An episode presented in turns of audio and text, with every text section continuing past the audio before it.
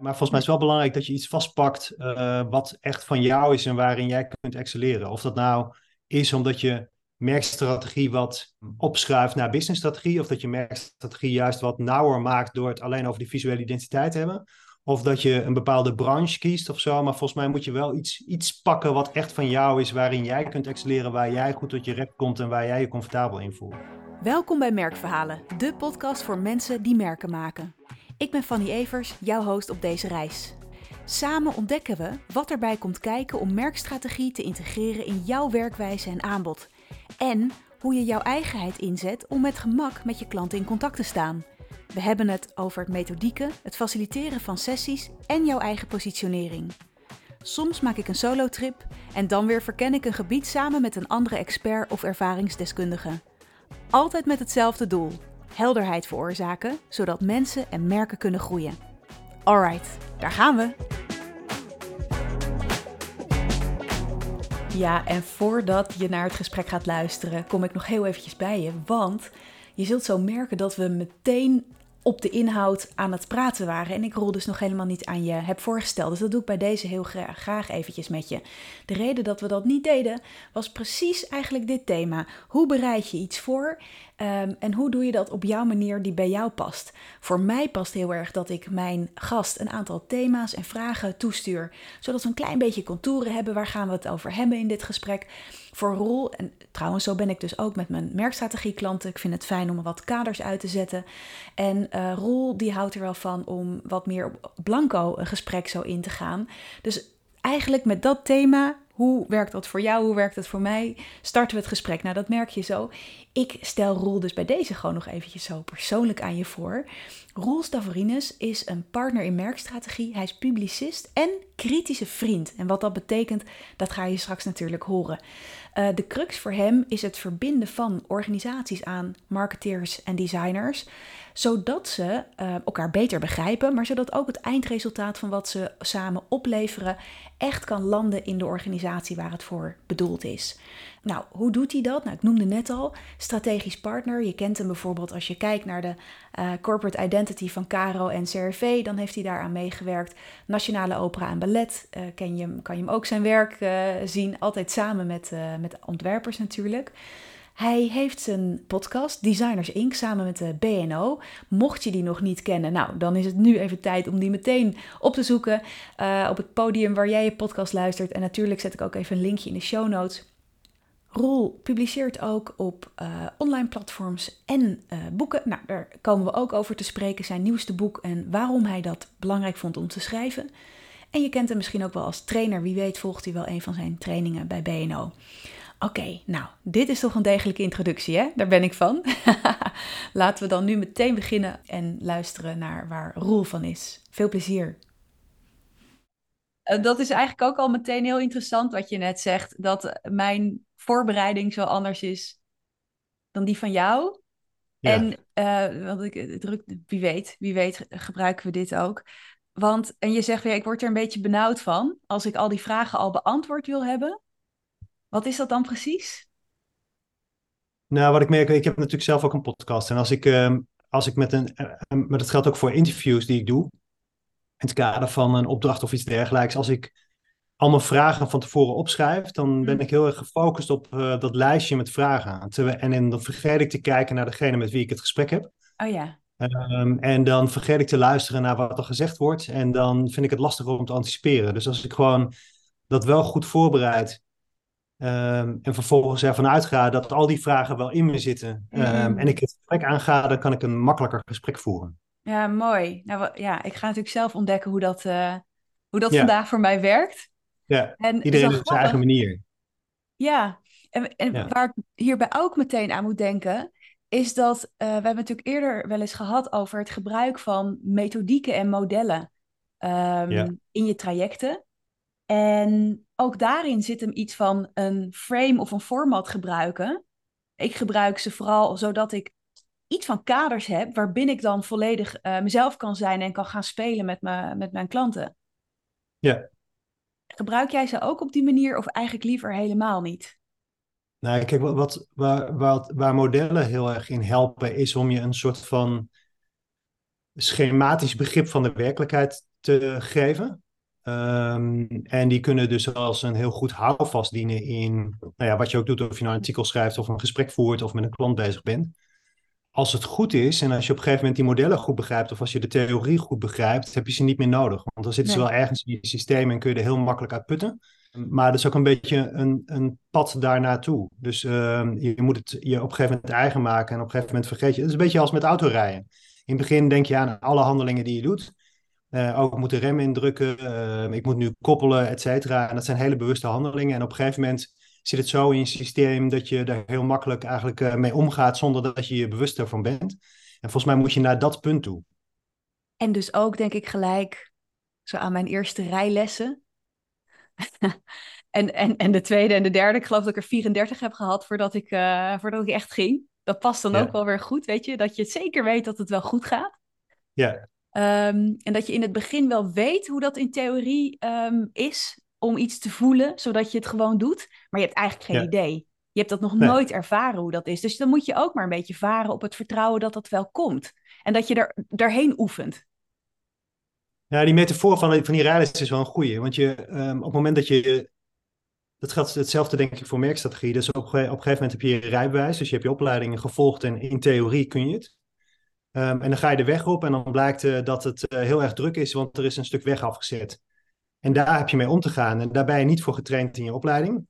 Um, maar dat kom je wel tegen. Ja, hoe ga je daarmee om? En dat is dus gaandeweg, zeg maar, nadat je je opleiding hebt gedaan, ondervind je een beetje van wat je tegenkomt en hoe je daarmee omgaat. En, en wat dat ook uh, persoonlijk voor je betekent. En wat je leuk vindt, wat je niet leuk vindt. Um, en gaandeweg leer je dus eigenlijk pas.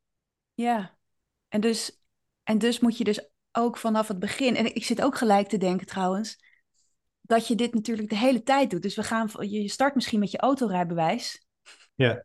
Um, en daarna wil je uh, misschien wel je motor. Of je koopt ja. een hele grote campervan en daar heb je een soort van XXL rijbewijs uh, voor nodig. Ja. Ja. Dus waar, waar zit jij dan nu, Roel, in jouw wat is voor jou de nieuwe, het nieuwe rijbewijs, zeg maar, waar je ook weer misschien je een klein beetje een beginner voelt en wellicht moet vertrouwen op dat het wel weer eigen gaat worden, zolang je maar blijft oefenen en jezelf eigenlijk blijft confronteren met die wegopbrekingen en die situaties? Ja, dat is wel een hele ingewikkelde vraag. Volgens mij is er niet een, een één moment. Ik denk dat um, um, ik doe dit nu een jaar of twintig. Ik werk denk ik een jaar of 25. En volgens mij, voor mij is elke week of elke dag is weer een nieuwe. En um, um, ik denk dat als er één ding is wat ik de afgelopen 20, 25 jaar heb geprobeerd, is om me continu te blijven ontwikkelen. Niet omdat ik daar nou dat nu besluit van ik ga me morgen ontwikkelen, maar wel omdat ik dat het allerinteressantst vind. Van wat voor nieuwe dingen kom je tegen? Wat, wat betekenen die voor jou? Waar kun je iets mee? Wat wil je, waar wil je niks mee? En juist, zeg maar, de nieuwsgierigheid en, en het, het idee dat je groeit of dat je, en dat je steeds daar de bevestiging van krijgt of juist de ontkenning omdat je in gesprekken mm. merkt uh, dat, het, dat iets heel goed voor je werkt of dat je verder komt, uh, dat vind ik juist interessant. En dat, um, ik heb niet een soort van idee over waar ik nu zit en waar ik dan over drie jaar of over vijf jaar zit. Wat ik wel merk is dat, zeg maar, als je verderop in je carrière zit, dat dingen heel veel makkelijker worden omdat je al heel veel projecten gezien hebt, je hebt heel veel situaties bij je tegengekomen. Dus je spreekt op een hele andere manier met klanten dan dat je dat uh, tien jaar geleden deed, bij wijze van spreken. Ook omdat je ouder wordt, volwassener wordt, wat rustiger wordt. Misschien een aantal dingen al heel goed georganiseerd hebt waar je niet meer zorgen over hoeft te maken. Dus je komt in een ander soort van comfort. Mm -hmm. En voor, wat ik daaraan toe zou willen voegen, wat bij mij heel erg resoneert, is dat het dan ook allemaal wat minder uitmaakt. En dat dat zo de druk eraf kan halen. Dat is persoonlijk misschien hoor. Misschien resoneert hij helemaal niet bij jou. Ja, um, ik weet niet zo goed of het, hoe je dat formuleerde, van of het allemaal zo uit. Eigenlijk de dingen die je doet, maken meer uit. Dat, dat is misschien meer voor mij. Dus, uh, je, ja, je maakt een meer fundamentele keuze over wat wil ik wel doen, wat wil ik niet meer doen. En um, uh, waar ga ik heel erg voor en waar word ik warm van. En um, wat voor dingen wil ik gewoon niet meer lastig gevallen worden ja, je kunt gewoon misschien ook wel beter je keuzes maken en beter ja en nee zeggen. Um, aan het begin van je carrière is dat natuurlijk heel anders. Dan, je begint net, je bent enthousiast over alles, uh, je hebt uh, werk nodig, dus je zegt toch wel ja tegen. En dan, dan, dan ja, dat is een hele andere dynamiek. Ja, ik ben en... blij dat ik nu op de fase zit waar ik nu zit. Ja, en waar word jij dan nu enthousiast van? In het hier en nu? Ja, ik denk dat de kern eigenlijk toch steeds is dat je hele leuke projecten doet met hele leuke mensen. Uh, en dat je met elkaar het idee hebt dat je verder komt. Hmm. En dat is bij mij op het terrein van merkstrategie en corporate identity. En um, ik moet het idee hebben dat ik een bijdrage kan leveren bij um, de mensen met wie ik werk en de organisaties met wie ik werk. In een stapje verder zetten, wat het dan ook is. Uh, en, en een soort van helpen om de ambitie van de mensen om me heen ook verder te brengen. Ja, daar word ik uh, blij van. Ja, en je bent, even denken, je, ik kom op een paar plekken neer dat jij de kritische vriend bent. Ja. Um, en ik vind dat zo mooi, want het is zo uitgesproken. En als je het dan hebt over nou, ervoor zorgen dat, dat er en een fijne samenwerking is. Volgens mij is dat inderdaad, als ik zo ook jou, jou lees en al hoe ik je ken, um, is die fijne samenwerking is van belang. En dat er ook echt iets gebeurt, echt iets in beweging wordt gezet wat geen sausje is, niet de buitenkant, niet de schil, maar waar, wat echt voor verandering zorgt. Ja.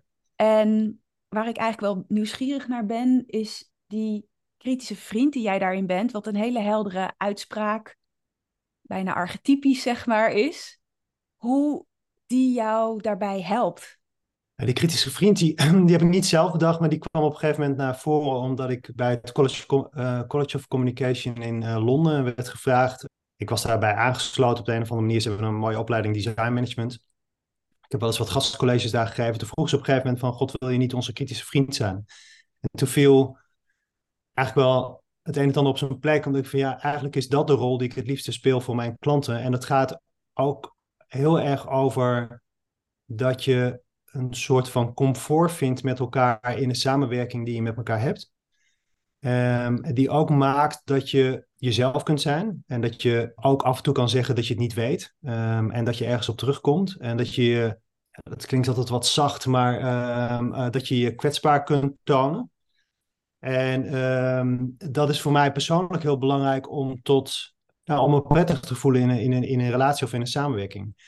Um, als ik bij een klant kom en die klant die zegt van uh, hier heb je de briefing, ga je gang daarmee en um, ik uh, wil dat je over twee weken terugkomt met de oplossing ja, daar kan ik niet meer uit de voeten. Ik wil graag weten waar die klant om te doen is, wie hij of zij is, waar hij of zij zich zorgen over maakt.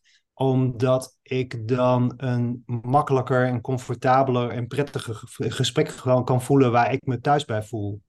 En uh, er zijn andere mensen tegen die dat helemaal niet zo nodig hebben. Maar dat is wat ik nodig heb in, in, in, in die samenwerking. Ja, heb jij ook het gevoel, nee, ja, ik wil dit vragen, maar ik wil ook nog even terug. Ik hou deze gewoon eventjes vast even terug naar dat moment dat je daarom gevraagd werd. Want dit gaat heel erg over eigenheid. Dus zij zagen daar iets in jou, uh, waardoor die vraag omhoog kwam. Daar, daar, is, daar, daar gaat iets aan vooraf, voordat iemand vraagt: hey, zou jij onze kritische vriend willen zijn? Ja. En je noemde net heel mooi zo welke waarde, wat er voor jou van belang is. Dat het echt over verbinding gaat. Dat je niet zomaar met een briefing weg wordt gestuurd en uh, twee weken later iets oplevert. Maar wat, weet je dat nog? Wat was er dus daarvoor in jullie interactie uh, waar jouw eigenheid dus kennelijk zo omhoog kwam. Wat daar gebeurde, waardoor jij die vraag kreeg om hun kritische vriend te zijn. Nou, voor, voor deze specifieke situatie ik dat niet zo goed. Maar wat ik nog niet zo lang daarvoor had gedaan, was dat ik, nou ja, dat ken je zelf vast ook, dat je uh, op gezette tijden weer aan het nadenken bent, wat ben ik in godsnaam aan het doen? En, en hoe noem ik dat eigenlijk? En, en waarom haken klanten daarop aan? En toen heb ik een tekstschrijver gevraagd van, wil je eens voor mij een aantal van mijn klanten interviewen en, en hen vragen waarom wij met elkaar samenwerken. En toen hoopte ik ook een klein beetje dat er een soort van label uit voortkwam, uh, wat ik op een visitekaartje kon zetten. Van oké, eh, ik ben Roel, ik ben de merkstratege. Uh, ik, ik, was, ik heb me in het verleden ook wel design manager genoemd, of weet ik veel wat. En um, toen sprak zij met een van mijn klanten, een hele belangrijke klant, een hele leuke klant, waar ik heel veel van geleerd heb. En die zei van, ja, ik werk met Roel omdat hij de wereld van buiten binnenbrengt. En eigenlijk heel erg spiegelt op wat wij aan het doen zijn en daar kritisch op is. En dat is voor ons heel belangrijk, omdat we vaak uh, zelf wel weer naar binnen zijn gekeerd. En eigenlijk vergeten om naar buiten te kijken. En um, ik was toen een klein beetje geïrriteerd, want dat leverde niet met dat labeltje op waar ik naar op zoek was. Maar ik vond het wel een hele waardevolle feedback. En toen zij kwamen met die kritische vriend, toen, eh, toen viel dat heel erg op zijn plek van... Dat is wel de rol die ik graag wil spelen. Heel veel van de organisaties waar ik binnenkom, die zijn heel erg naar binnen gekeerd. Ze zijn vooral heel erg met hun dagelijkse shizzle bezig. En wat ik probeer te doen, is toch een soort van spiegel voor te houden en die wereld van buiten binnen te brengen. Um, en, en dat lijkt misschien heel vanzelfsprekend, um, maar dat is soms ook best lastig om te doen. Zeker als het op bepaalde punten echt helemaal niet op orde is. Uh, hoe breng je dat dan op een manier die constructief is, um, ja. die niet te bout is? Zou je een voorbeeld kunnen geven van hoe buiten naar binnen gebracht ja. moest worden en dat jij eigenlijk het, de, de, de boodschapper, de brenger was van ja. die informatie? Nou, heel recent. Ik ben gevraagd door een, een keten van uh, horecagelegenheden om hen te helpen um, met hun merkstrategie. Er zijn allerlei uh, coffeeshops hier in de regio. En uh, toen ze mij vroegen, dacht ik van ja, wat is dan eigenlijk voor zo'n keten de betekenis van het merk? En ik raakte daar eerlijk gezegd ook een klein beetje onzeker over. Van kan ik dat wel? Wil ik dat wel? Ik zit veel meer in business to business en eigenlijk niet in horeca. En um, wat ik eigenlijk altijd als eerste doe, is ik kreeg een opdracht van een organisatie achter die horeca-gelegenheden. Uh, dus ik wil gewoon eigenlijk die vijf vestigingen zien. Het zijn er in Nijmegen, uh, Den Bosch, Eindhoven, Breda zitten ze. Dus ik ben naar die vestigingen toe gegaan en heb daar met mensen gesproken. Dus de mensen die er werken, maar ook met klanten. En wat altijd heel mooi is aan dat soort van gesprekken, is dat uh, mensen dat ook altijd een beetje aangrijpen als een soort van therapiesessie. Um, want uh, jij bent veilig, want jij komt van buiten en men kan dan ook even gewoon uh, zijn ei kwijt. En dat deed iedereen ook. En um, ja, waar het heel erg over ging is van ja, weet je, ze hebben het op het hoofdkantoor wel over verbinding, maar um, ik zie die verbinding niet. En als ik hier ben en mijn koffiezetapparaat is kapot en dan moet ik maar met één ding geholpen worden en dat is dat het koffiezetapparaat het weer doet. Of dat mijn koeling het doet. Of dat en het waren allemaal hele praktische, praktische dingen. En wat ik merkte in de gesprekken met die klanten, is dat ze een hele sterke verbinding hadden met de medewerkers die daar werkten. Ze kwamen heel bewust voor die medewerkers. Maar toen ik daar al die gesprekken had gevoerd, er kwam er een heel kritisch beeld bovendrijven van al die vestigingen, al die medewerkers, naar eigenlijk het hoofdkantoor. Dat vond ik best lastig. Hoe ga je daarmee om? Weet je, wat, wat, wat is jouw positie daar als merkstratege? Uh, je moet iets met dat signaal. Uh, die medewerkers zijn heel belangrijk in hoe dat merk overkomt dus bij, uh, bij potentiële klanten of bij klanten. Daar heb ik best wel even mee zitten worstelen. En wat ik heb, eigenlijk heb gedaan is, ik heb daar wel iets in voorbereid om daar een soort van feedback te geven in een soort van presentatie. Maar ik heb eigenlijk in dat, dus ik was heel goed voorbereid, maar ik heb in, het, in de presentatie, in het gesprek, eigenlijk eerst de vraag gesteld van, oké, ik ben bij al die medewerkers langs geweest. Wat denken jullie dat ze tegen mij verteld hebben? En toen was een van hen die zei van, nou, dat was niet best. Ah, ze wisten het niet. zeg je dat?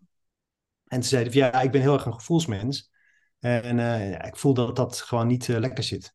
En dat was voor mij een heel mooi uh, nou, bruggetje naar het gesprek wat ik daarover kon voeren. Maar dat, dus ja, die kritische vriend gaat erover dat je dat soort gesprekken ook met elkaar voert. En wat het lastige daarin is, is dat je de, de de toon vindt en de taal vindt om daar met elkaar over te spreken. Ja, en wat ik zo mooi vind om te horen in jouw voorbeeld is dat die kritische vriend die is heel erg eigen aan jou. Ik denk als we teruggaan naar jouw jeugd, dat daar al elementen in zitten waarin dat zich ook liet zien.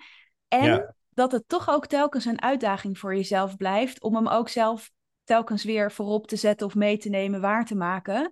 Uh, bijvoorbeeld in zo'n gevoeligheid. En niet alleen de gevoeligheid van die feedback geven, maar ook het bijna hercontracteren. Want je hebt een afspraak om iets te komen doen als merkstratege, ja. of hoe je de titel ook noemt.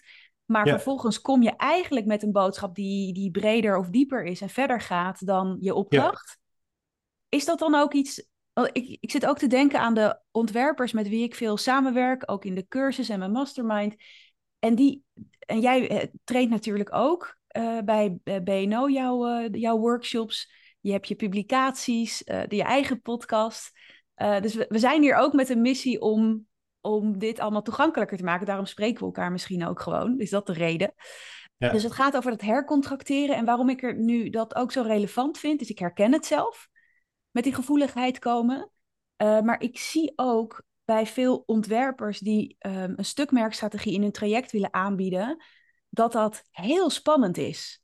Dus het is voor jou spannend, maar jij bent al een kritische vriend, zeg maar. Jij hebt dat al, zeg maar. En bent al 30 jaar aan de, aan de gang. Maar überhaupt weerstand bieden of achter je punt gaan staan. Uh, ergens nou, terugfluiten klinkt een beetje te hard, maar ook de stevigheid in je sessies, zeg maar, in je terugkoppeling brengen. Dat is zo ongelooflijk spannend. Ja. Dus laten we het even over dat hercontracteren hebben. En op dit moment in het gesprek met Roel ging er iets mis met de techniek. Dus dit is even een bruggetje naar het moment dat we het weer hebben opgelost. We hadden het over, over het hercontracteren. En dat is een, een mooi woord, maar eigenlijk gaat het ook over nou, dat het spannend kan zijn om terugkoppeling te geven, om te spiegelen.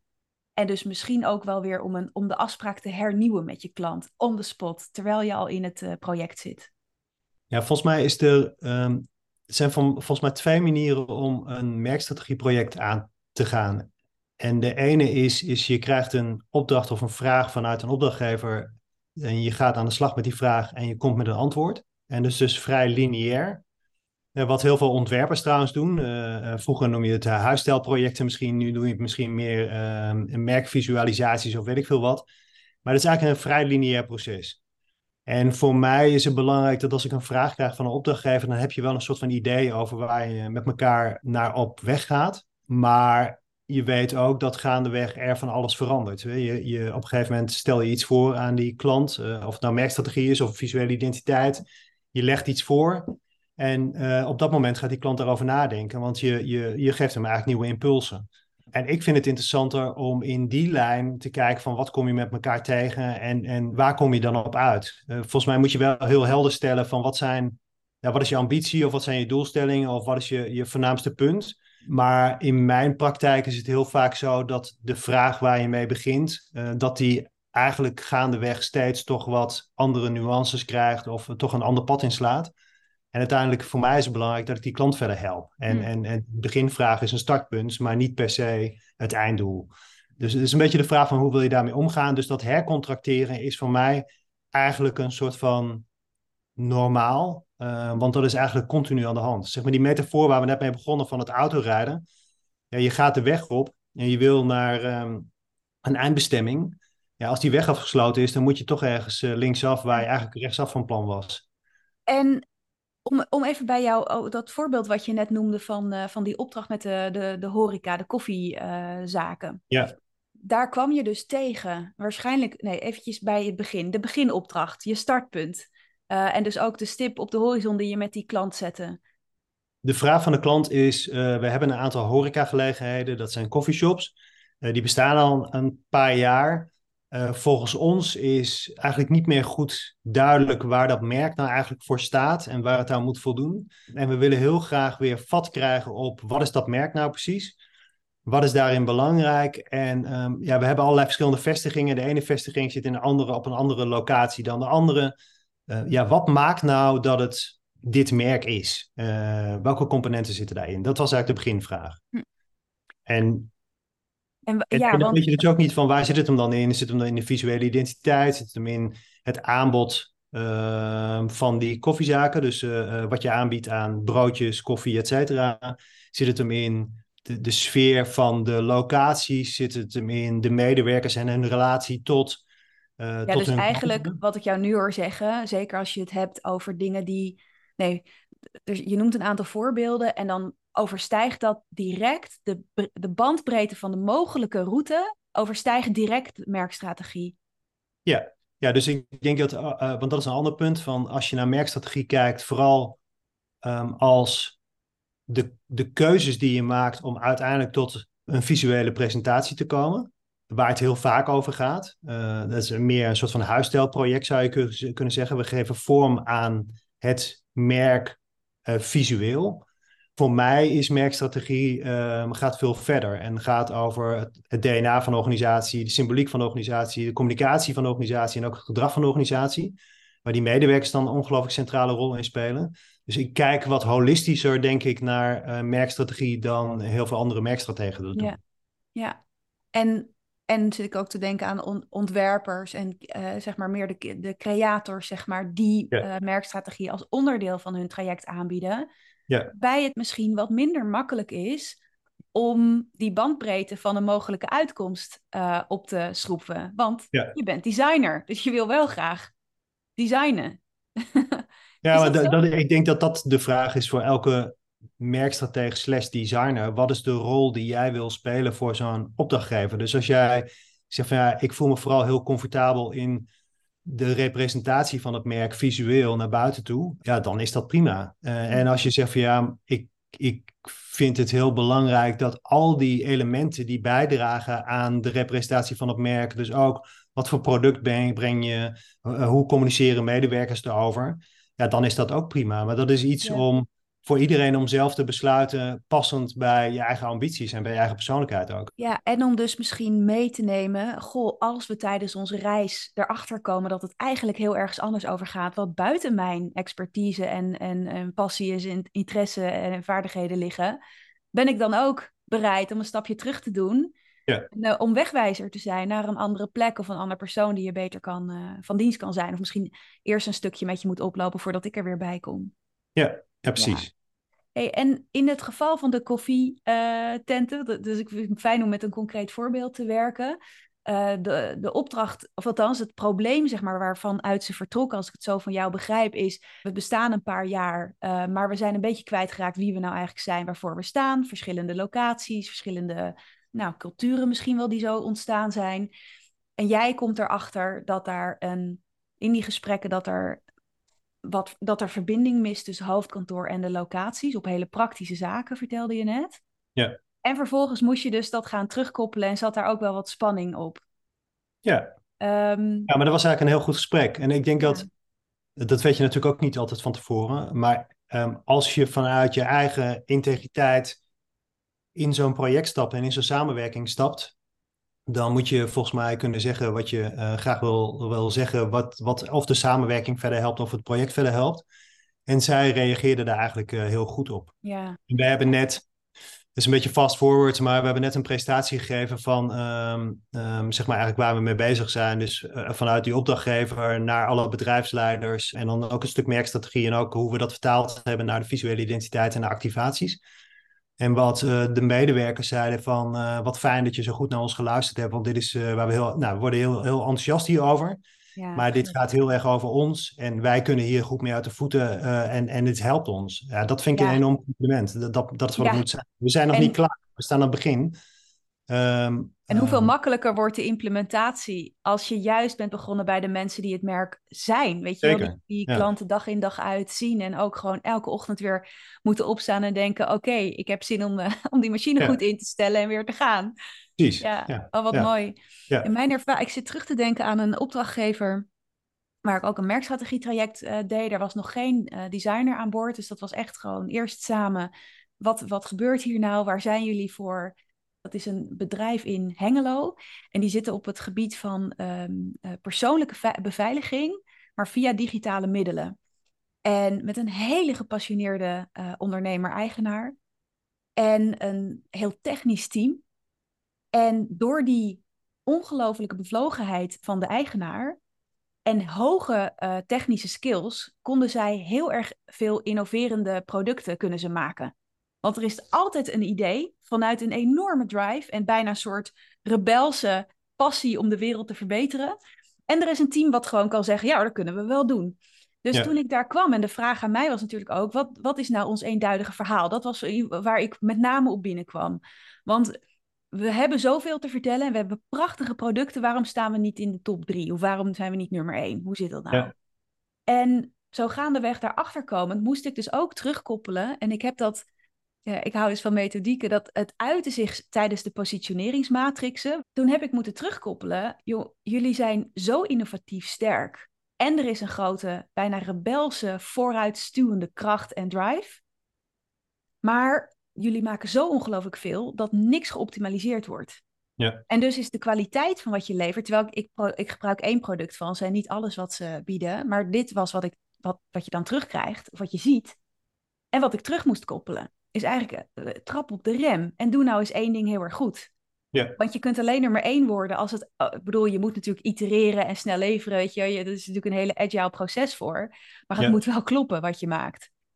Nou, dat was, dat was spannend. En ze hebben het aangenomen. En ik denk dat... En dat koppelt weer naar de dapperheid die je moet hebben als merkstratege, nogmaals, of stratege, welke titel je het ook geeft. Dat als je confronteert vanuit je eigen liefde en pure observaties, dus het komt niet uit de lucht vallen, dan En het wordt geaccepteerd en omarmd en er wordt mee gestoeid, want het was niet makkelijk. Je hebt ons aan het denken gezet. Ja. En het wordt omarmd en doorgevoerd, en dat, dat zijn ze nu aan het doen.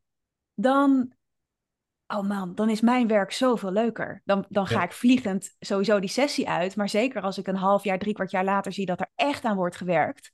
Dat er interne processen worden veranderd. Ja, weet je, daar, daar doen we het voor. En daarom moeten we lef Ja. hebben en kritisch zijn. Ja, dat is te gek, maar, maar eh, dat is wel interessant wat je zegt, omdat je daar toch ook al eigenlijk voorbij het domein merkstrategie gaat. Dus je, Ja. je schrijft eigenlijk wat op meer naar, naar businessstrategie. En volgens mij is dat, nou ja, terugkomend op wat ik net zei, eh, een belangrijke vraag die je als ontwerper of als merkstratege moet stellen van waar wil ik zitten? In welk domein voel ik me comfortabel of waar wil ik naartoe bewegen en wat heb ik daar dan voor, voor nodig?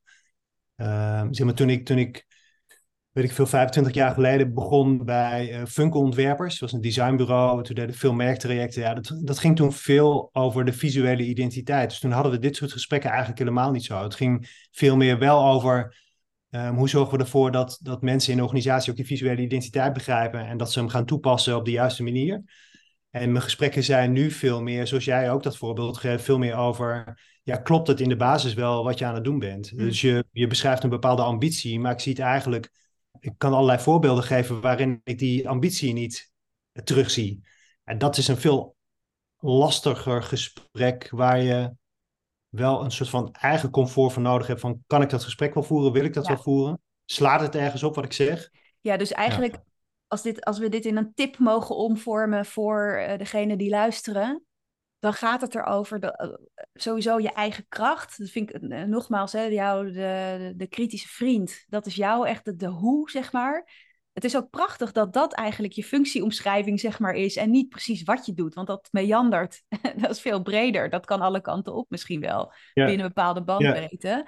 Maar dat het dus is vanuit wie je zelf bent, dat je dat meer en meer eh, kan omarmen. En dat je je eigen bandbreedte en interesses, nou niet zozeer interesses, maar vaardigheden, wa- waar ben jij? Dus wel- welke auto rij jij Ja. en welk gebied heb je eigen gemaakt? Ja.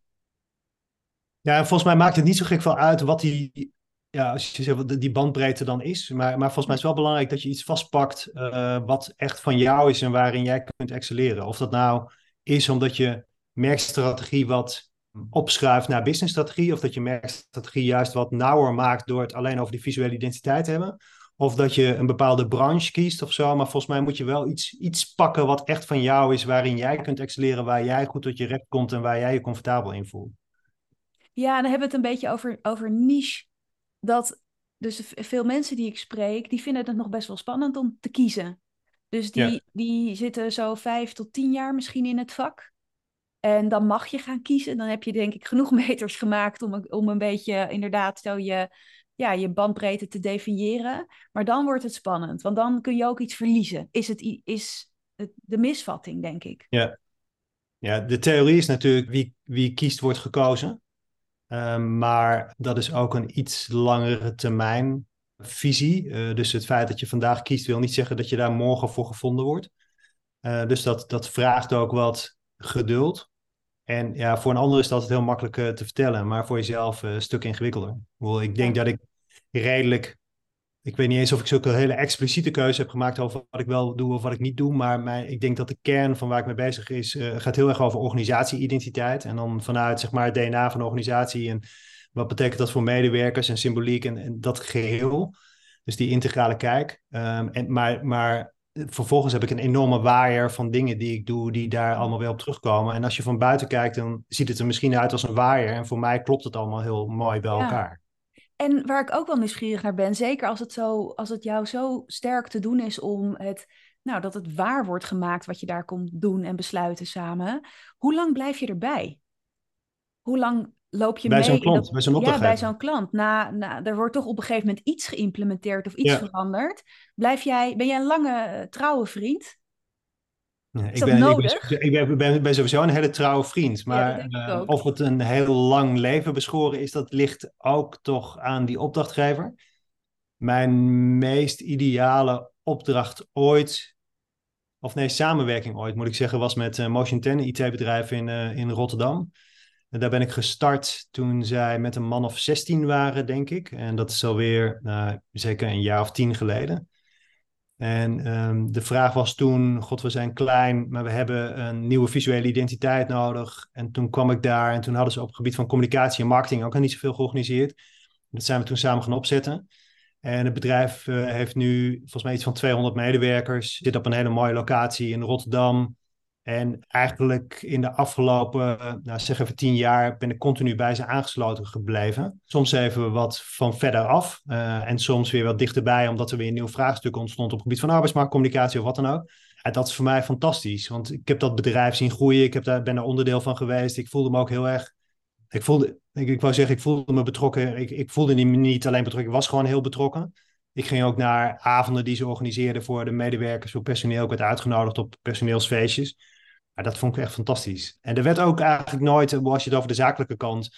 Ik heb ooit één keer, helemaal in het begin heb ik een offerte gemaakt en daarna altijd op nakalculatie uh, mijn facturen gestuurd. Er werd nooit een vraag over gesteld, omdat we uh, nou ja, van elkaar wisten dat die samenwerking waardevol was. En uh, dat werd ook steeds onderschreven.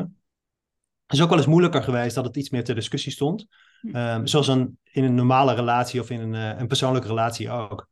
De seven year itch moet ik dan aan denken. Je hebt het over tien jaar. Ja, ik denk dat ik dat letterlijk daar gehad heb. Dat was niet na zeven jaar, maar na acht jaar. Ja. Oh ja, nou, grappig. Ja. ja. Ja. Oh, wat mooi. En als ik jou zo hoor, dat, dat begon heel klein. En je bent eigenlijk gewoon hebt aan de, aan de wieg gestaan, klinkt het. En bent gewoon altijd bij die groei. En het bewijs dus ook. En de impact die je dat kon maken van dat bedrijf, ben je bij geweest. Ja. Uh, inmiddels word je ook gevraagd door, door grote corporates. Uh, Caro, NCRV ben je bij betrokken geweest. Uh, Nationale Opera en Ballet.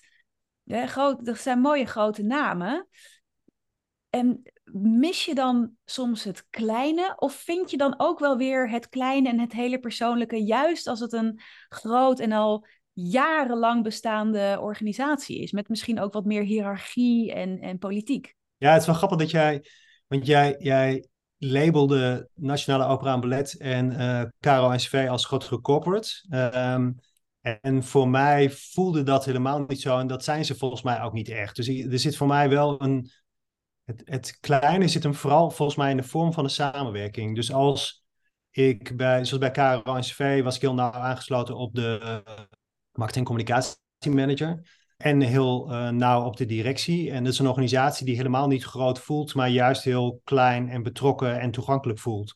En dat was bij National Opera en Ballet in zekere zin ook wel. Dat is een grote organisatie, maar wij hadden gewoon eigenlijk een heel goed nauw contact met de mensen uh, die we nodig hadden. Wat ik lastiger vind is, ik heb in het verleden ook provincie Noord-Holland gedaan. Uh, dat is voor mij meer het gevoel wat je beschreef onder die corporates.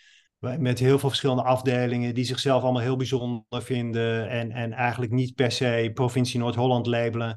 Dat heb je wat meer bij die hele grote of overheidsorganisaties. En ik kan me ook voorstellen dat je bij de grote corporates uh, dat hebt. Dat zou niet per se mijn gedroomde plek zijn om um, voor te werken. Nee, dus daarin blijf je trouw aan, dat, aan de, wat jij nu net omschrijft als klein. En daar blijf je dus trouw aan in de opdrachten die je aanneemt of opzoekt. Ja, ja maar er zit hem veel meer in met het team waar je mee samenwerkt en het mandaat dat dat team heeft. Um, en dat het dus echt ook op een goed niveau is. Dat je wel aangesloten bent bij de directie of bij marketing- en communicatieteam. En dat je een manier van samenwerken hebt gevonden die uh, met elkaar is. In plaats van dat je als een soort van uh, leverancier-inkopen-relatie zit. Ja, en nu, nu hebben we het uh, ook weer in dit voorbeeld en in waar we het daarnet over hadden. Gaat het heel erg over die, over die band en bijna de finesses ook. En de intuïtie, de dingen die je aanvoelt en de jarenlange ervaring die je ja. meeneemt. En aan de andere kant, ik, ik kijk nu even die kant op, want ik heb jouw boek daar staan, Strategisch Brand Design. Aan de andere kant van het spectrum heb je ook gewoon de theorie, het startpunt, de modellen. Wat is merkstrategie? Ik zou daar heel even naartoe willen om, om daar eens naar te kijken, naar, naar jouw boek en de overdracht vanuit deze rijke wereld van je ervaring eigenlijk. Je hebt het geschreven, het wordt uitgegeven door Noordhof. Ja waar je ook ooit bent begonnen, volgens mij. Kun je daar iets over ja, vertellen? dat was mijn eerste baan. Uh, ik, was, uh, ik had vormgeving en communicatie gestudeerd. Daarna nog een stukje communicatiemanagement. Toen ben ik in Groningen gaan wonen. En ik wilde eigenlijk heel graag uh, bij een uitgeverij werken. En ehm, dat was in een periode dat, dat het best slecht ging ten aanzien van de arbeidsmarkt. Er waren heel weinig banen en heel veel mensen op zoek. Uh, en Groningen was ook niet de allerhandigste plek om vanuit te zoeken, want niet uh, per se heel centraal gelegen. Ook niet uh, per se de plek met de meeste werkgelegenheid. Dus ik heb toen, ik, ik denk dat ik echt 80, 90 sollicitatiebrieven heb geschreven. En dat ging toen allemaal nog met de post en zo, dus dat ging niet via mailtjes en zo, of online formulieren. We hebben het over de jaren 90. Ja, precies. Ja, ja, ja. ja, even, de, even om het in de tijd te zetten. Maar ik weet nog, ja, en ik wij zaten allebei, graag... Roel, wij zaten, wij zaten allebei op de Ichtes. Ik zag jou, ik, ik zag dat de Ichtes, dat is natuurlijk, inmiddels is dat overgegaan in, in Holland. Maar ja. um, we hebben dezelfde opleidingsachtergrond. Bij jou noemden ze dat toen uh, communicatie en vormgeving. Bij mij noemden ze het communicatie creatief. Dus... Ja, klopt. Dat, dan ben jij, jij bent later geweest, hè? Ja, tien jaar later, geloof ik. Ja, want mijn opleiding was uh, um, vormgeving en communicatie. En dat zat ook aan een HSAO, dus een hoog sociaal agogisch onderwijs. Potverdorie, uh, wat een naam. Dus, ja, dus uh, wat later, uh, ja, je kunt het ver vergelijken met inderdaad HAO, communicatie creatief of iets dergelijks. maar dat was toen een HSAO, omdat ze het nergens goed kwijt konden. En dat, daar, dat had een beetje mee te maken omdat een belangrijk deel van de opleiding bestond uit sociale vakken. Dus ook filosofie en sociologie en psychologie. Ah. En dat, oh, die, ik vond die dat hadden ze er bij mij wel uitgeslagen hoor. Dat was er niet meer. Dat was re redelijk straightforward. Nee, maar ik vond dat juist eigenlijk heel interessant. Dus Ja. uh, het was uh, opgedeeld in dat stuk, dus die sociale vakken. Het waren uh, het economie en marketing, communicatie, dat soort vakken. En het uh, vormgeving, cultuurgeschiedenis, kunstgeschiedenis, et cetera. Dus dat Ja, was een mooi. super mooie mix. Dus terug, Ja. want dat was dus de jaren negentig. En ik vind, het, gra- ik vind het grappig, want Ichtes bestaat helemaal niet meer. Dus het is leuk om die naam nog, eh, nog eens te zien. Net als dat je Ja. mensen herkent aan hun bandtelefoonnummer, wat begint met 1-4. Weet je, je hebt een soort bandje van vroeger. Ja. Maar terug naar Groningen. Het was moeilijk. Je hebt 80 sollicitaties uitgestuurd per post, veel postzegels. Ja, en toen kon ik eigenlijk om de hoek terecht bij, eh, bij Wolters Noordhof. Eh, en dat was eigenlijk wel mijn soort van mijn gedroomde omgeving. Niet per se een educatieve uitgever, maar wel een uitgever. En daar werd ik marketeer eh, in het Fonds eh, Hoger Onderwijs. En toen was ik verantwoordelijk voor alle boeken op het gebied van eh, nou marketing, communicatie, economie, et cetera. Ja, dat was een super mooie omgeving om te werken. En dat is dus datzelfde fonds waar nu dat boek ook uitgekomen is. Dus voor, voor mij is een beetje die cirkel eh, rond. Ja, dat En wat, wat is het? Want je publiceert, je, be- je bent online eh, te vinden en eh, je, je geeft boeken uit, dus onder, onder vlaggen van de uitgevers. Wat trekt je daar? Je, trok je al? Je wilde daar gaan werken? Ik ben wel benieuwd, zeg maar, wat is er een link tussen wat jou toen zo dreef om daar precies te werken en ook het uitgeven nu zelf van boeken? Nou ja, ik, ik ehm, er gaan nu allerlei dingen door mijn hoofd, maar ehm, ik, Ik er hield één. heel erg van boeken en ik hou nog steeds heel erg van boeken, tot grote frustratie van mijn familie. Ik zit nu in mijn studio, dat staat helemaal vol met boeken. Maar ik vond uitgeven is een heel mooi vak waar, eh, als het over marketing gaat, eigenlijk alles bij elkaar komt. Een, een uitgever is een marketeer puur zang, want hij moet eh, de, de markt heel goed kennen. Daar is die producten voor om te ontwikkelen. Dat zijn dan in dat geval eh, eh, boeken die aansluiten op nou ja, een specifieke doelgroep, in dit geval onderwijs. Ja, het is een heel concreet product. Hè. Je kunt het in je handen pakken. Dus ik zeg wel eens gekscherend, als iemand vraagt waarom schrijf je die boeken, dan is mijn antwoord vaak van ja, ook om aan mijn ouders te laten zien dat ik af en toe iets concreets doe. Dus eh, eh, je kunt het omhoog houden, je kunt het vastpakken. Eh, dat is heel fijn eraan. En ik denk dat, ja, je vroeg eerder naar die kritische vriend. Ik heb dat eigenlijk altijd vanaf ehm, heel jongs af aan al gehad. Dan zag ik ergens een soort van misstand. Was een boer in de omgeving die had dan een pesticide gebruikt. En dan ging ik helemaal uitzoeken wat voor een pesticide is dat dan geweest. En dan ging ik brieven schrijven, et cetera.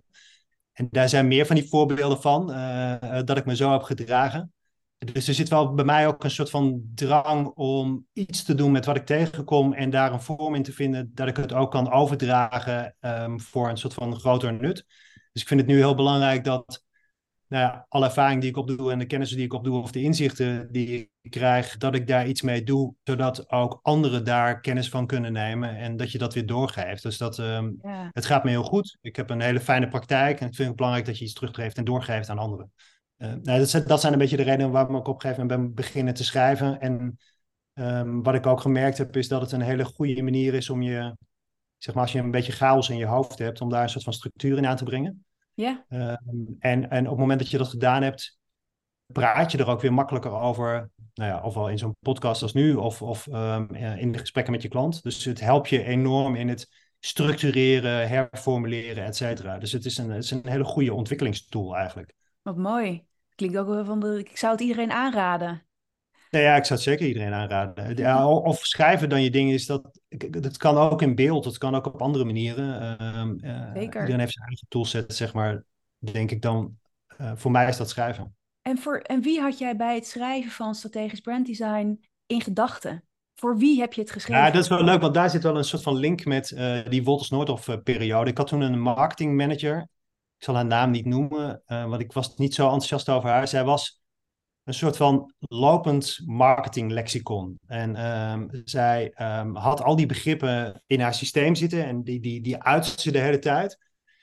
En dat was ongelooflijk intimiderend voor, in ieder geval voor mij als uh, jonge marketeer. En, en dat frustreerde me heel erg, omdat ik dat van ja, iedereen heeft het over die begrippen, um, maar niemand stelt echt de vraag van wat sta je er nou precies onder? dus wat ik heb geprobeerd in het boek is om eigenlijk de marketingbegrippen waarvan ik vind dat die heel belangrijk zijn, die ook ongelooflijk plat te slaan op zo'n manier uh, dat je daar als ontwerper of als jonge marketeer uh, mee kan werken. Uh, dat je in ieder geval de essentie begrijpt. En ik hoop dat als je die essentie begrijpt, dat je dan misschien een volgende stap zet naar wat meer verdieping en, en meer informatie daarover zoekt. Maar ik heb echt geprobeerd om het zo toegankelijk mogelijk te maken voor eigenlijk in eerste instantie ontwerpers die een beter gesprek willen voeren met hun opdrachtgevers. Uh, en, en dus ook de taal of de termen die die opdrachtgevers bezig uh, uh, beter, beter begrijpen. Ja, te gek. En ik moet ook denken aan veel briefings die ik krijg. Dus aan het begin van merkstrategietrajecten als mijn opdrachtgevers gewoon nog op zoek zijn naar degene met wie ze dat gaan doen. Dat zij inderdaad ook zo smijten met grote termen. En ja. ik ben daar in het begin best wel vaak ingestonken. Oh, ze hebben al een visie en een missie. Terwijl dan ga je kijken wat eronder staat en hoe dat tot stand is gekomen. En daar moet er, wat mij betreft, een grote bullshit-test op gedaan worden. Om te kijken ja. hoe, dat, uh, hoe dat is ge gekomen. En verstaan we, dat raad ik sowieso altijd aan, van definieer eerst of, of laat de woorden samen ook met je opdrachtgevers. Het boek helpt enorm eigenlijk ook om die ontwerpers de, um, hun eigen definities te laten ontwikkelen misschien ja, dat wel. is eigenlijk ook de opdracht die ik ze geef. Uh, dus een vierde deel, dat is online. En daar zit allemaal opdrachten in. En dat gaat ook heel... Die opdrachten gaan steeds heel erg over... Oké, okay, je hebt nu eigenlijk een soort van de basis van positionering of de basis van wat een merk is. Formuleer nou voor jezelf eens je eigen definitie. Ik bedoel, mijn definitie is mijn definitie en er zijn heel veel definities. Maar het belangrijkste is dat jij die terminologie kan hanteren op een manier die jou past. Ja. En ook passend bij nou ja, zeg maar waar we het net over hadden, van um, waar wil je zitten? Zit je meer aan die businesskant, zit je meer aan die visuele identiteitkant en, en pas het daarop toe? Ja, mooi. Het is wel belangrijk dat je een soort van comfort vindt in het gesprek daarover. Ja, en ik wil, ik wil gewoon, ik zit aan, aan een oefening te denken, wat jij nodig, jij daagt daartoe uit om dat te definiëren. En ik heb gemerkt dat op het moment dat je daar, dat dat echt een opdracht is en je gaat zitten schrijven bijvoorbeeld, dat dat uh, best wel moeilijk uh, uit je pen komt vaak. Omdat ja. er opeens wat druk op zit mijn tip zou zijn, die slinger ik er gewoon eventjes in, om te gaan lopen en je voice uh, memo ding aan te zetten. Ik ga vaak gewoon naar het park bijvoorbeeld als ik merkstrategie aan het uitwerken ben en dan begin ik hardop te praten. En zeker als het ja. over jezelf gaat, ga het maar eens noemen. Niet alsof je staat te pitchen, maar alsof je op een verjaardag bent en, en even gaat uitleggen wat je doet. En ja. op een gegeven moment, als je dat lang genoeg doet, want je loopt er, je struikelt over je eigen woorden. Nou, dat zijn dus echt niet je woorden. Maar op het moment dat het er vloeiend uitkomt, dan heb je het eigenlijk te pakken. Ja. Zou een mooie manier zijn. Er is ook wel tijd voor nodig, hè? want ik, ik, ik, moet daar ook nog elke dag over nadenken. Als je, als je me nu vraagt, wat is een merk? Uh, nou, dat gaat misschien nu wat makkelijker, maar... Uh, en dat verandert ook, want dat, dat staat niet stil, tenminste bij mij niet. En elke vragensteller is ook anders. Dus daar, daar richt je je ook een beetje naar. En ik vind dat, zeg maar, de, ik moet opeens denken aan, uh, ik ben een project aan het doen voor de TU Eindhoven. En daar ben ik gevraagd als merkstratege, maar ik probeer elke keer steeds te zeggen, overal, ik heb het niet over brand, ik heb het niet over merk, ik heb het over reputatie. Want als, als ik met een hoogleraar moet praten over merk, dan haakt hij gelijk af, terwijl die reputatie heel goed begrijpt. Dus welke woorden je kiest, um, is volgens mij heel situationeel afhankelijk. En wat werkt wel, wat werkt niet. Um, ja. en, en, dus ook het niveau van, um, ja, als je mensen hebt die helemaal niks van merkstrategie begrijpen, probeer dan zo ver mogelijk weg te blijven van die terminologie. Ja, precies. En ook, ik, ik denk ook weer even terug aan ontwerpers die dit als onderdeel van hun, uh, hun aanbod, hè, dan is het dan het zwaartepunt ligt op ontwerp. En maar Ja. dit, is, eh, dit moet wel om te kunnen gaan ontwerpen, om ook vrijer te zijn in die creatieve eh, fase. Dat veel opdrachtgevers, waarschijnlijk door type opdrachtgevers, het heel complex vinden. En waarschijnlijk vooral denken, oh, maar dat gaat heel veel geld en tijd kosten.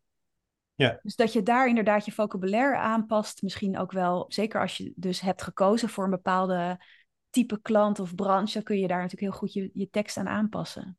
Ja, als je het zo formuleert, er zit ook natuurlijk een, een voordeel in dat men denkt van, oh, dit zal wel gewichtig zijn, dat moet wat geld kosten. Want eh, dat is natuurlijk ook de realiteit. Als jij als ontwerper merkstrategie beter wil verkopen, moet er ook een idee zijn bij die klant van, hé, hey, wacht eens even, dit is iets wat ik iets zelf kan. Dus daar Ja. is ook een soort van de balans in vinden van wat helpt Ja. je verder. En eh, ook in dit geaccordeerd krijgen van die offerte en alle uren die je erin stopt om te zorgen dat je die keuzes met die klant kan maken. Ja, dus balanceer goed met waar je je klant ontmoet in, in zeg maar het vocabulaire en de belevingswereld Ja. van de klant. En aan de andere kant je senioriteit, eh, de stevigheid in je aanbod en waar je echt voor staat.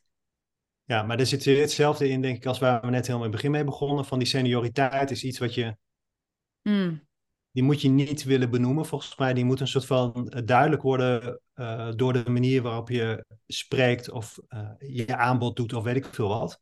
Ik zie te veel nu op social media allerlei merkstrategen, marketeers, ontwerpers de hele tijd hun, hun, hun waarheid eh, strooien om hun eigen autoriteit te onderstrepen. En Dat is volgens mij eh, waar het heel snel dan misgaat. Want dat is volgens mij bij uitstek wat je niet moet doen. En hun waarheid, bedoel je daarmee de kritiek Eén die ze uiten op, op dingen die ze zien?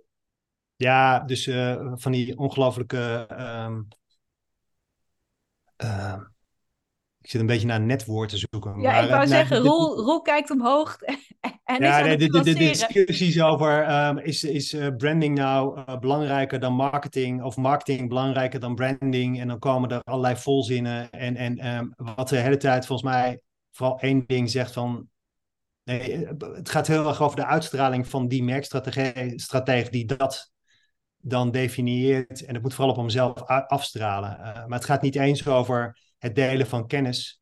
Het gaat gewoon om het delen van mijn identiteit, ik ben een autoriteit op. En dat is Mm. volgens mij niet interessant. Maar publiceerde jij niet ook in september precies hierover? En volgens mij ging dat, was dat de Odido-campagne, waar veel, veel woorden over zijn gewisseld. Ja. En ik heb hem nu niet openstaan, maar jouw titel van, van dat artikel was ook Branding doet er niet toe of, of iets. Oh ja, dat was een, het was dat ook stevig, Roel. Is dat niet hetzelfde? Nee, dat was een. Nou, nou ja, dat, die, over die titel weet ik niet zo goed. Want die, ik werd.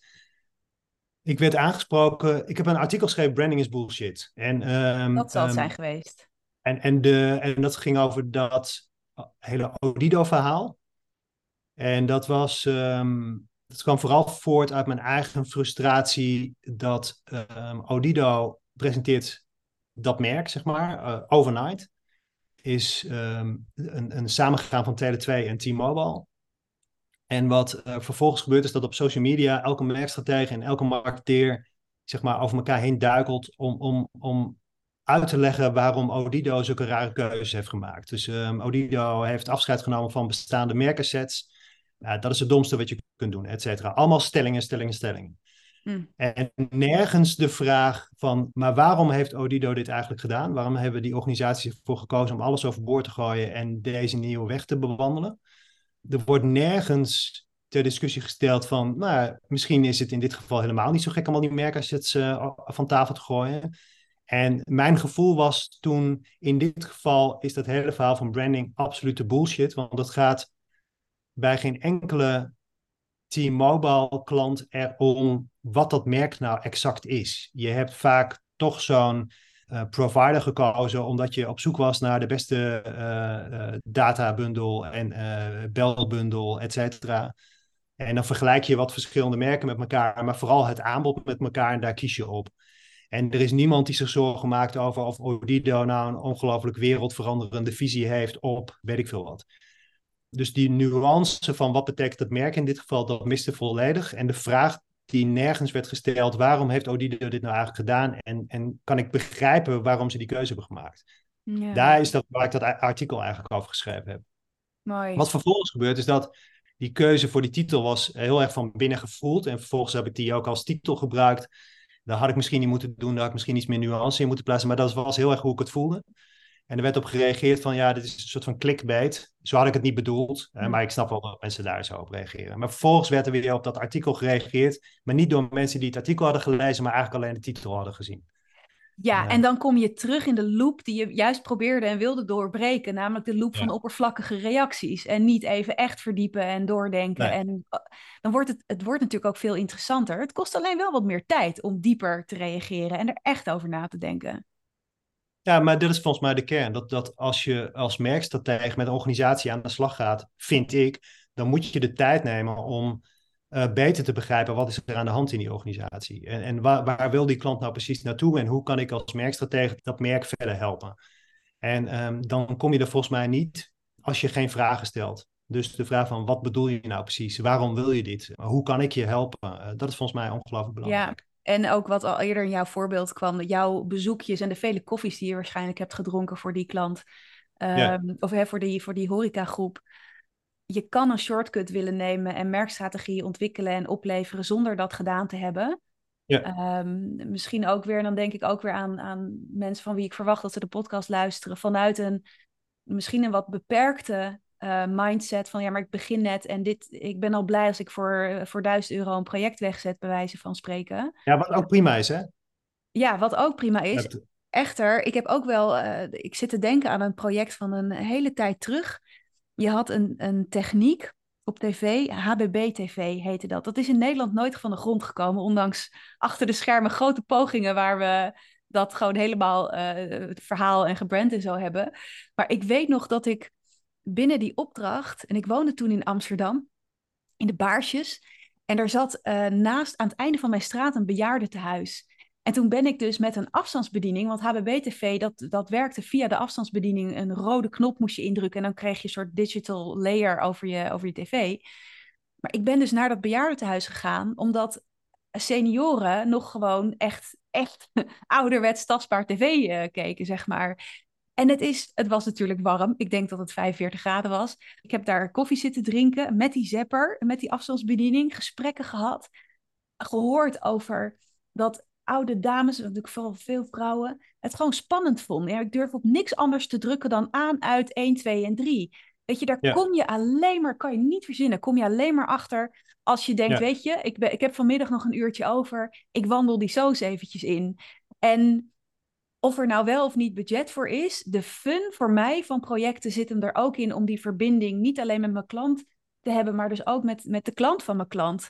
En dan, als je daar kan ophalen, ja, dan wordt het sowieso echt veel meer fun volgens mij wat je aan het doen bent, maar dan wordt het ook veel rijker. Zeker. Nou, en, en dat is sowieso een heel belangrijk perspectief, omdat de meeste klanten die wij hebben dat zelf niet meer doen. Dus die, die raken toch wat verder af van hun eigen klanten en hoe zij naar hen kijken. Nou ja, en sterker nog, voor kleinere klanten, want ik werk veel uh, voor eh, MKB en, en soms is dat een heel klein, uh, of is het nog maar scale-up, dus dan zit ik vooral met de aandeelhouders aan tafel. En want het team zit dan, nou ja, er zijn er dan vijf heel hard aan het programmeren bijvoorbeeld. Dus ook al bestaan ze nog helemaal niet zo lang en zijn ze op die manier verwijderd van hun klanten, of hebben ze het uitbesteed aan grote onderzoeksbureaus die een soort van heel koud naar de data gaan kijken. Juist ook als het klein is, is het heel erg spannend om klanten te spreken, zelf, merk ik. En wat jij al eerder zei in ons gesprek is het, is, het is, het is fijn dat ze het beetje kunnen uitbesteden. Het is, het is veilig ze, ook voor de klant van de klant, ze, kunnen bij jou uh, hun verhaal kwijt. Maar ja, ik merk dus ook dat mijn juist wat kleinere klanten het heel erg prettig vinden dat ik het voor ze doe. Ja. Ja, ik heb toevallig gisteren had ik een klant aan de telefoon en die heb ik, waren twee mensen van die klant en die heb ik aangeraden van, uh, ik heb hen de vraag gesteld van waarom werken jullie klanten met jullie? En er kwam een hele riedel waarvan ik denk van ja, dat zou kunnen, maar ik denk het niet. Dus ik heb ze de opdracht gegeven, ga, ga naar allebei eens vijf klanten bellen en stel de vraag waarom werken wij met elkaar? Wat voor cijfer geef je mij? En wat moet ik doen om een hoger cijfer te krijgen? En kijk eens wat daar uitkomt. Ik heb dat laatst met een andere klant gedaan en er komt echt de, een, de wereld aan, aan, aan goede input uit, waar bijna al je positionering uit voort kan komen als je mazzel hebt. En rol, en, en bijna denk ik ook, je stuurt ze bijna in een soort relatietherapie sessie samen door, deze, door dit op te zetten. Ja, Leuk. En daarmee zet je ook je klant aan het werk en hoef je het ook niet allemaal zelf te doen. Het scheelt ook gewoon weer tijd. Nee, ja, maar dat, de, om je klant te helpen om iets meer naar zijn eigen klant te kijken, dat is volgens mij een supergoed idee. Ja, zeker. En ja, ja. ik ben het mee eens. Mooi. We gaan afronden, Roel. en het blijft stil. ja. Hey. ja jij, jij, bent de baas, dus ik volg jou uh, heel uh, gedwee. Ja, nou, we hebben het over zoveel mooie dingen gehad. Ik denk even terug aan de, de auto. En ik denk ook waar we in deze podcast, in ons gesprek, zijn we nou nog, zijn we door hetzelfde gebied blijven rijden? Hebben we ondertussen ons voertuig uh, veranderd? Maar ik heb het idee dat ik zo in een hele comfortabele uh, zitting zit en een heerlijk gesprek met je heb, uh, heb mogen hebben. Om af te sluiten ben ik nog wel, want we, we, hadden het natuurlijk over jouw boek en we meanderen zo naar, naar klanten en klanten van klanten en die verbinding. Nou, als het gaat over die verbinding met je klant en als je denkt aan al die andere merkstrategen, ontwerpers, copywriters, marketeers, iedereen die met, nou ja, voor wie dit relevant is. En het gaat om verbinding. Wat wens je iedereen dan toe? Dat is wel een moeilijke vraag, want terwijl je die vraag stelt, denk ik, um, kijk, wat voor mij belangrijk is in die verbinding, is niet per se voor een ander ook belangrijk. Dus maar jij ehm, mag het ze toewensen. Dus het mag iets van jou zijn. En dan mag die ander wel bedenken of die er wat mee kan of niet. Wees, wees kritisch en je eigen vriend. Ja, nou ja, ik, ik, ik hoop dat. Ehm, misschien is de kern wel dat je heel veel plezier beleeft aan de samenwerking die je met elkaar hebt. En waarbij je op gezette tijden steeds een soort van bewijs krijgt of een signaal krijgt dat die samenwerking ergens toe leidt. Hoe klein dan ook. Of misschien juist wel heel klein omdat daar dan de voorbeelden in zitten of een soort van driver in zit om weer een volgende stap te zetten. Dus en ik denk dat dat het allersterkste is wat je kan doen. Volgens mij is dat het allerleukste om, om op zo'n manier samen te werken. En dat maakt ook uiteindelijk dat die klant toch weer bij je terechtkomt, ook al is het jaren later. Want dat zijn volgens mij, um, ja, hoe zou ik het zeggen? ja, de meest duurzame stappen die je kunt zetten. Dus, uh, en, en, de meest duurzame indrukken die je achter kan laten. En um, uiteindelijk is het toch een mensenbusiness. Het gaat over merkstrategie, het gaat over marketing, het gaat over, over design. Um, maar uiteindelijk gaat het over de klik en de wil om samen te werken en samen verder te komen. Amen. Wat mooi. Ja. Dankjewel. Ja, dus ik, ben wel benieuwd of, of, dat voor heel veel andere mensen ook zo geldt. Of, geldt of dat er ook mensen zijn die zeggen van, ik, dit vind ik absolute bullshit. Want voor mij gaat het heel erg juist over een zakelijke relatie. En eh, vertel mij wat ik moet doen en ik kom met een antwoord. Ja, ehm, daar ben ik ook nieuwsgierig naar. Dus ik ga er eens even over nadenken waar mensen dat kwijt kunnen. Sowieso misschien wel goed om dat jij even laat weten, als mensen met jou willen verbinden of benieuwd zijn naar meer van jou, waar kunnen ze je dan vinden? Ja, ik denk LinkedIn toch de allerbeste plek is. Of gewoon uh, rechtstreeks via mail. Maar dan moet je denk ik even mijn mailadres... Uh, ja, en ik zit nu ook te denken, ik, ik stop wat, uh, wat mooie dingen. mochten mensen je nog niet kennen van bijvoorbeeld je podcast en online, ik, ik, ik, deel de links in de, in de show notes. zodat er verbinding eigenlijk wel aan alle kanten mogelijk kan worden. En wat ik ophaal uit dit gesprek, en ook eigenlijk jouw mooie meegever daarnet aan het einde, is jouw grote uitnodiging om echt jezelf te zijn. Of je nou net begint, of al 30 jaar meegaat, of misschien al 60. Het gaat telkens weer ook om bij jezelf inchecken en vanuit wat er voor jou speelt, waar jij graag aan wil werken, waar jij nieuwsgierig naar bent, om dat volledig er te laten zijn. Dat, dat hoor ik als rode draad zo in jou, in wat je me vertelt.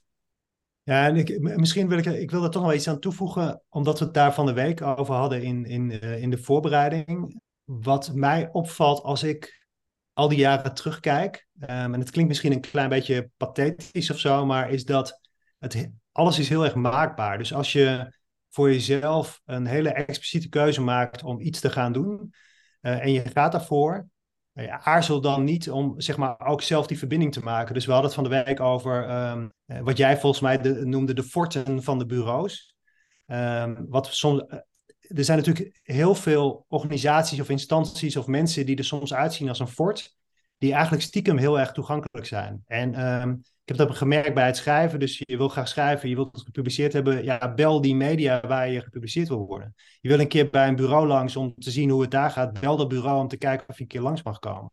En het antwoord is heel vaak ja, graag, kom maar langs. En, en dat heb je dus zelf in de hand om, om, om om zelf die vraag te stellen en te zorgen dat je die kansen voor jezelf creëert. Ja, en dat was echt touché dat jij mij daar eigenlijk op terugriep. Want ik, ik heb dat, dat is natuurlijk een beperkende overtuiging van mijzelf. Dat ik sommige bureaus zie als een gesloten fort. En dan kan ik gaan zitten zeuren over dat ze niet open zijn over hun merkstrategie. Een van mijn grote drijfveren is omdat, om, het, om de black box die merkstrategie voor veel mensen nog kan zijn, om die te openen.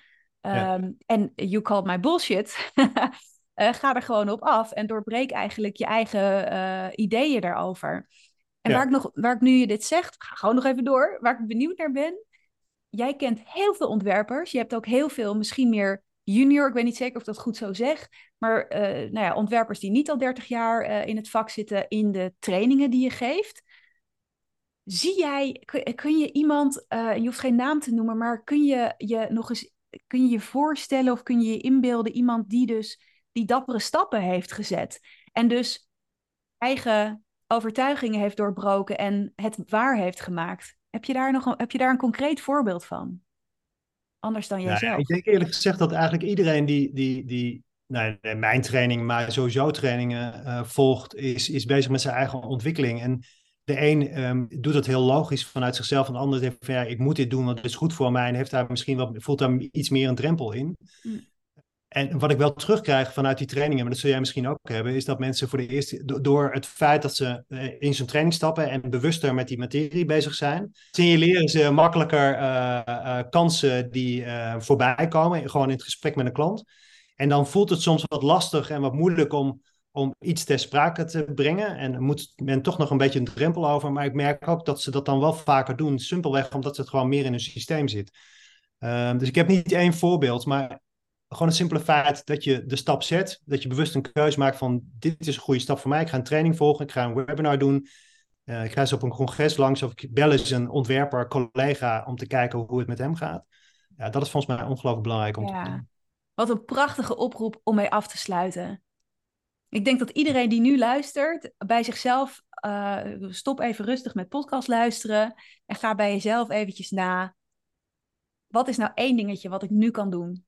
Wat hiermee te maken heeft. Zodat ik net even een stap zet in het pad wat ik toch aan het bewandelen ben. En het is natuurlijk leuk als het net een beetje spannend voelt. Ja, het moet een beetje aan de rand van je comfort zitten. Dat Daar zit de groei. Dat is precies de plek waar je groeit. Ja. Mooi. Roel Stavorinus, dankjewel voor je tijd, voor je inzichten en je openheid. Ik heb echt van dit gesprek genoten. Ik ook. En we gaan Jij elkaar... ook nog bedankt. Dank voor de uitnodiging heel erg leuk. En uh, we spreken elkaar vast heel snel ja, weer. Heel graag. Dank Dankjewel.